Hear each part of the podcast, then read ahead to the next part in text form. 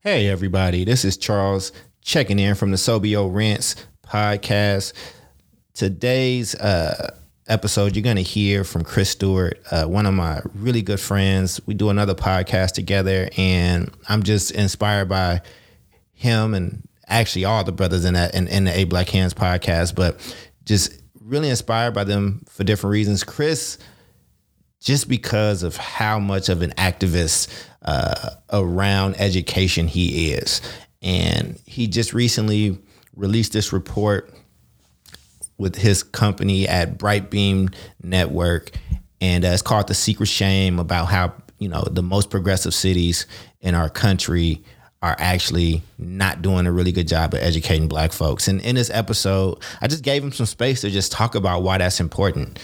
I didn't want him to have to argue about this or that and the third. Like it really was just an opportunity for us to look in the mirror for a little bit in Oakland and say, hey, why these numbers look like this in one of the most sought after cities in the world at the moment.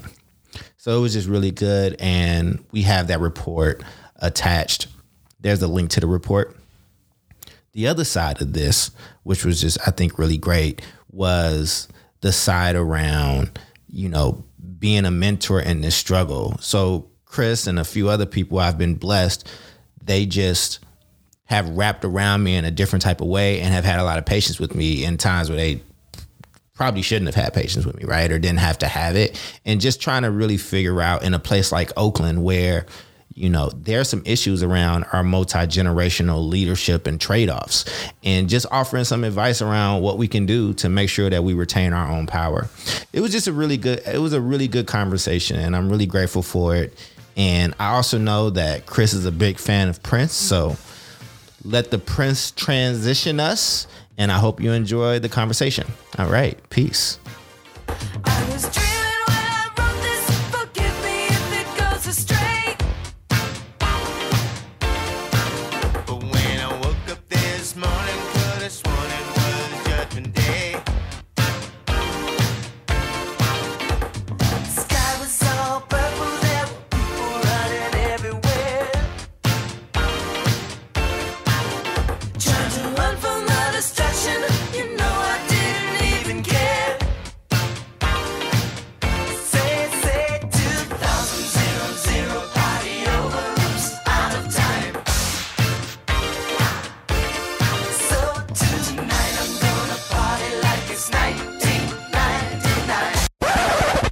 Welcome back to another episode of Sobio Rants. This is the place where we talk to leaders that are having a great impact on Oakland with the work that they do and just doing some amazing, incredible things. Today, I have a really, really good friend of mine who is also my co host on the Eight Black podcast. Chris Stewart. Now, before I hop in and, and, and have him talk about more of what he does, uh, Chris is the CEO of Brightbeam, one of the largest educational uh, publications in the country. He's activist for a long time and, and just a really, really good friend and mentor to me, man. I truly love this dude. Uh, Chris, thank you so much for being on the show, man. No, I appreciate it. Thank you for having me on, man. That's all good, man. So we're a little different here than we are in the Eight Black Hands. This is more just a space where I tee up one question about what we read about today, and you just kind of go. And I have some little smaller questions peppered in there, but it's really for you to just have the space to let what you need to say breathe. Um, you've recently just done just amazing report that talks about academic inequities in, in some of the most progressive liberal places. And uh, and in, in names, you know, San Francisco and Oakland. So that's one of the reasons I definitely wanted to have you on the show. So, Chris, what are we ranting about today? Man, I need to just rant about these liberals, bruh. I mean, honestly, especially in education, like education liberals, uh, in progressive cities, in cities where there is a lot of wealth and a lot of opportunity, but all of it seems to bypass the black and brown children living in the margins of those cities. And when you start to talk about it and ask why that might be and why our schools are producing such bad results, we get the peeing, what I call the peeing. The peeing is the like the peas everywhere. It's the poverty, it's the parents, it's the programs, you know It's never the practice or the potential.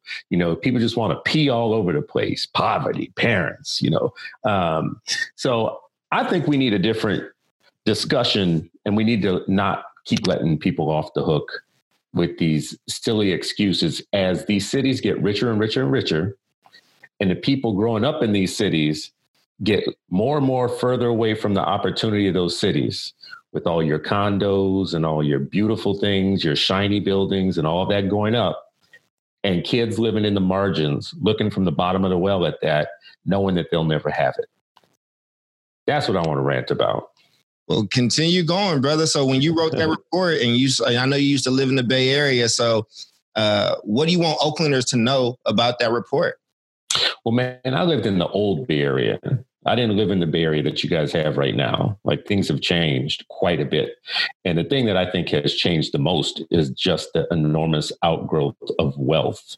And with wealth, to me, come situations. They come, wealth brings opportunities. Wealth brings the ability to do things you haven't done before, but it also brings choices the leadership in cities like Oakland make choices. They make choices about where they're going to build things, about who's going to benefit, about who's going to have the like the the ownership of of land and property, all that stuff.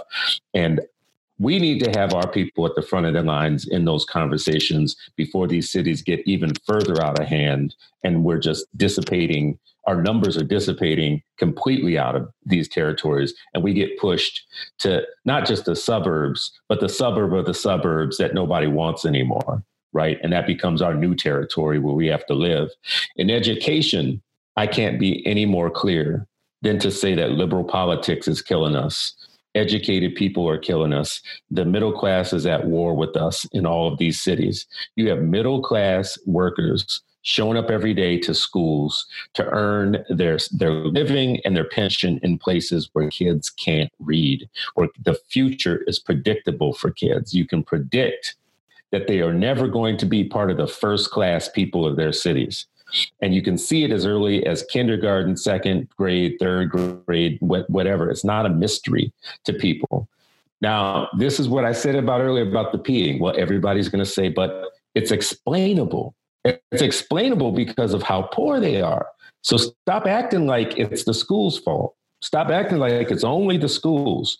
Listen, I'm sympathetic to that argument that schools are having to deal with things that they've never had to deal with before, that we have new levels of trauma created, by the way, by leaders and their decisions that they made in the past that created these inequities in the first place. It's not like all of a sudden Black folks just got the poverty flu that came out of a long term set of cir- circumstances that still continue today neglect, political obstruction, you know, all kinds of things that took place.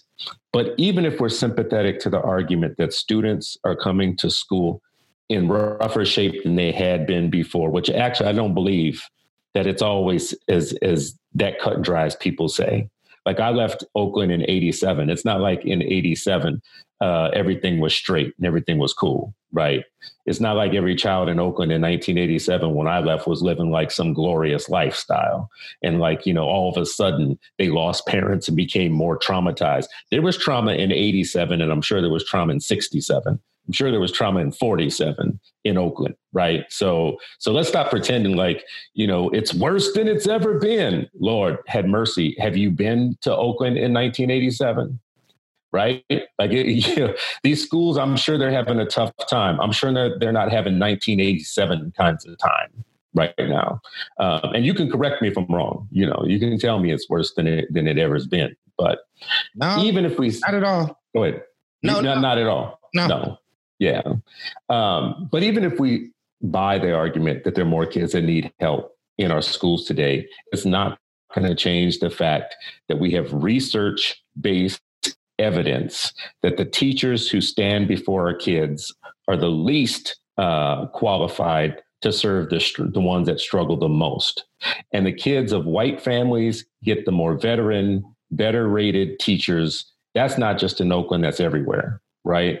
I'm not making that up. Research will tell you that if folks need citations, God bless you, but it is true that the teachers are not prepared to do something so simple as not let me not say so simple as something so essential as teach reading we have over 1,300 colleges of education that are not teaching teachers how to teach reading. Something so simple and basic. Let me take the word simple out again. I keep saying it. So essential. If you can't teach reading, if you have paid for four years of college higher ed education, and you have been inducted into the teaching profession without the basic ability to do something so essential as teach reading, I don't care how poor kids are. That's a problem you need to fix before kids are poor or rich, before you even get kids. You can't blame families for bad teacher preparation, low bars of induction into to the, the system, uh, inequitable systems for distributing teachers to schools and classrooms, inequitable systems of paying the teachers of white students versus black students, inequitable systems of funding the schools that white and black students go to, this, the, the, the schools in the hills and the schools in the foothills, right? Like it's, how can it be more damn clear, right? Like God has given you every sign you need. like the schools up there doing better than the schools down there. What's that tell you, right? Black people didn't create this. Poor mamas didn't create this. Poor families didn't cre- create this. People who need opportunity didn't create this. Who created it then? And, and who's in charge now? Take me to your leader. If I land in Oakland and I say, who is responsible? Take me to the office. Charles, put me in your car. Take me to the office of the person most responsible for the gaps, racialized gaps in achievement. Where are you going to drive me to? Man, uh, as far as responsible, um, accountable, I don't know. Uh, as far as who, who who has the power to change it, then we might just drive to whoever's house uh, that I'm. I don't know. I have no idea where I would take you. And and that is something that someone like you in multiple cities could say to me. Mm-hmm. Someone in Seattle could say that to me. Someone in San Francisco could say that to me. Somebody in Austin and Boston and Minneapolis, St. Paul they all could say that to me DC, Baltimore, I could keep going down the list. There are very few people in, the political class of these cities, the people that we elect, who have fully taken on the challenge to say, damn it, the buck stops with me. It stops with my office. I have budgets and people and resources and decisions that can be made, and we are going to make it happen, or I'm going to leave. Right. Wow. I mean, that, that, first off, that's how you rant. That's that's this is why I built this platform the way I built it. Because you know, I don't even know if you've ever had a chance to just be able to say all that stuff without somebody jumping in or giving a rebuttal or who who's paying for this or whatever. That's one. Two, how do you want people here, officials, parents, educators, the union, whomever, how do you want them to interact with the report, which is in the description, by the way? Um, the report at uh, brightbeamnetwork.org, if you look at the report, it doesn't come with policy prescriptions like, you know, do A and then you get B. It's not like a certain type of school that we're pushing. It is not any, you know, like specific policy legislation. Really, what it is, is the basis for collecting your people together however small or, or however big, and demanding from your political leaders that they put themselves on the hook. Number one, for a plan that is publicly monitored and co created with the public, and that shows year over year growth in all of the baseline numbers. How are the kids doing right now? Let's just all the numbers you can imagine beneath the question, How are the kids doing? You should have your political leaders on the hook for next year's numbers being better than this year's numbers. So I don't care what you're asking them for specifically. I don't care about a type of school. I don't care about uh, a specific policy or practice.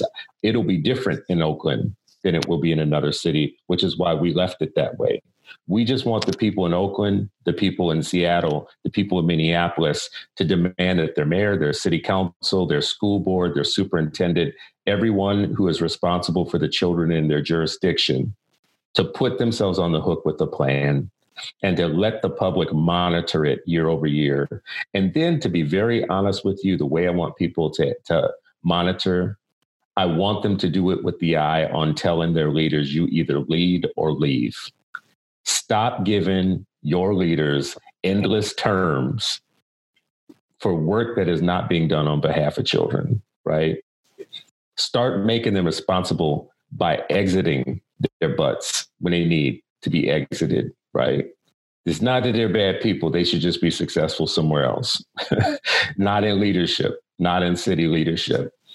Um, so that's how, how I hope people engage with it. I don't want them to do anything specific other than fight for a plan. Many cities don't even have a plan. I could tell you the problem. They can't tell you what the plan to solve it is. Mm. Man, that's that's that's super helpful. Thank you so much. That's very clear.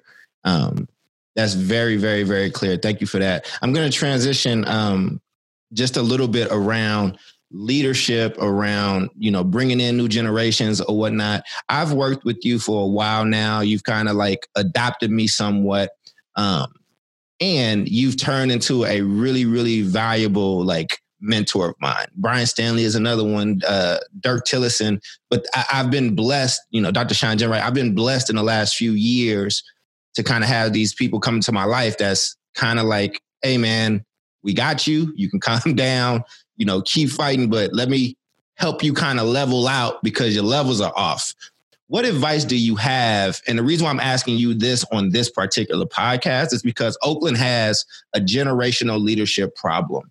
We have an mm-hmm. issue between who our elders are, who the next generation, like this kind of middling generation that I probably fit in, and also like a new younger generation kind of coming up. And you, you know, the men that have come to my life as of late have had some of the most patience that I've ever experienced kind of in my life. Um, like I'm always used to things kind of going bad and wrong. So I, I don't know. There's some psychological things that's kind of in there. Um, but what advice do you have for other leaders that's in Oakland that's trying to kind of accomplish what you've accomplished with folks like me, right? Like, because you're bringing in a whole new generation of activists and educational leaders.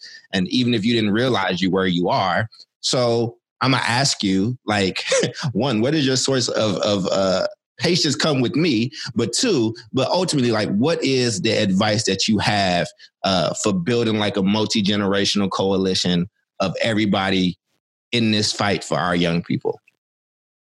Um, this is a deep, deep, deep question. I mean, and I feel like just just before I give my feeble attempt, attempt to answer it, that I have to say on the other side of this question is our liberation. If we get this right, we're unstoppable, right? Like, so just be very clear. This is like curing cancer right here. Mm-hmm. So that this question embedded in it is our our it's our inability to be stopped if we get this right, right? I think, you know, we have a generation before me that actually wasn't 100% used to mentorship as a thing. And as a matter of fact, if we're being very honest, there was a lot of people in the generation that preceded me. I'm Gen X. So the generation that preceded me, it was if you got into a gig, you kept it for life, right? You would you would run the nonprofit till you died, right? And then when you died, you you hadn't brought up three or four other people. I once asked one of my elders, uh, about what mentorship he had received, and and he laughed and said none. He was like, I never had nobody be a mentor to me, man. That's some stuff y'all folks done invented, right? Like, and he was serious. And he was somebody that I saw as a mentor in the community just because he was successful and opened doors for a few people here and there. But he was straight up about it. He didn't have a mentorship ethic, right? My sense is that, like, it, um, what happened for me in Gen X was I did have a few people open doors for me and I made a personal commitment. My personal commitment was what I do for two generations down is going to be most affected by what I just do with a handful of people in the next generation. So I'm Gen X. I have a few Gen Y folks who I have just committed for life. Every time I get an opportunity for these set of folks, uh, I'm going to send it their way. They're not, it's not like they don't even have to ask for it. They don't even know that I'm doing it right? They don't even know, but it's my personal commitment. And my hope is that each and every single one of them does the same thing for Generation Z, right? So it's not like when you're a mentee that you're off the hook. I think everybody should be both a mentor and a mentee and have an ethic for it. What's your ethic? What are you doing for Generation Y? Because I'm doing this for Gen Z. I can't, uh, in my own household, uh, in my own family, you know, I'm a dad to Gen Y and to Gen Z, to both generations. In my mentorship life, I'm not really doing as much with Gen Z as I am with Y. As a matter of fact, I'm doing very little, even though I'm in education with, with Gen Z. My strategy is put all the effort into Gen Y, and then they need to do the same thing. So if I help 50 people and they all take on two people, right? You see how the numbers are multiplying, right? How the multipliers work.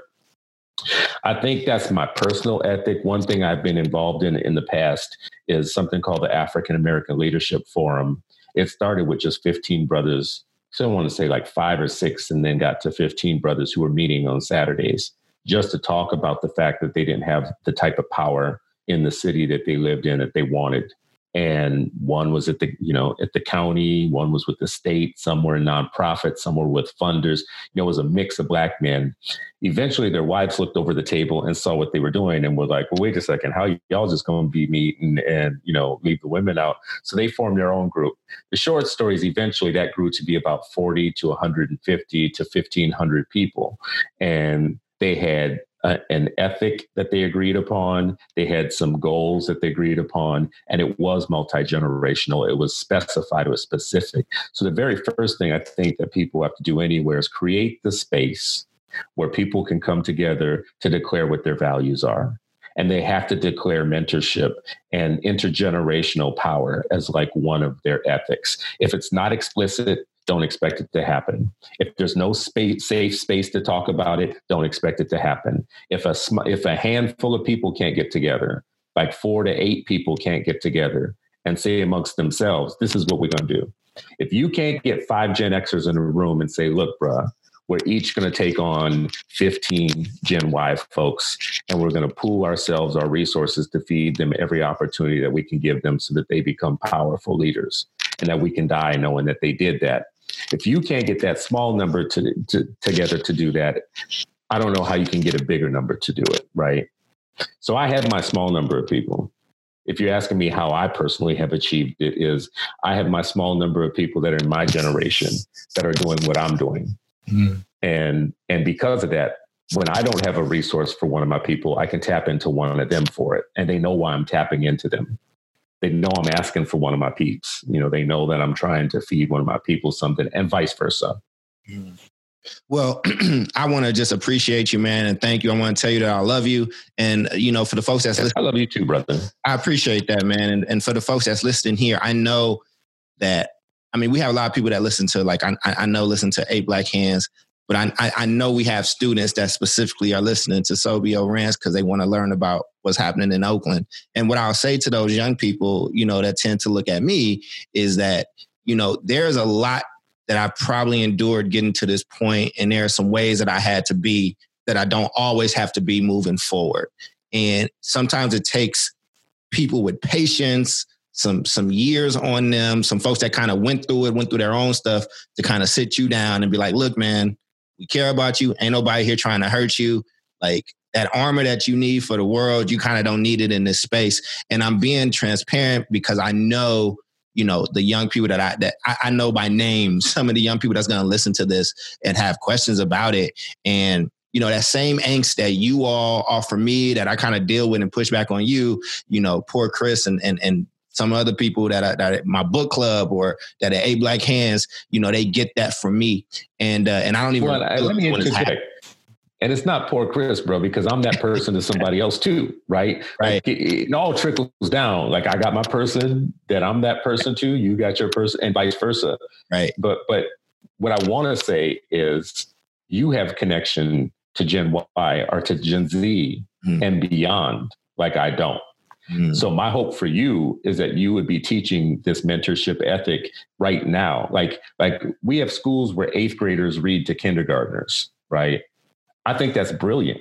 Yep. I think it makes a lot of sense to even in eighth grade start saying you are responsible for your youngest siblings, right? And your younger people. So that by the time they're a teenager, it's just it's already natural mm-hmm. for them to see that younger people are my job.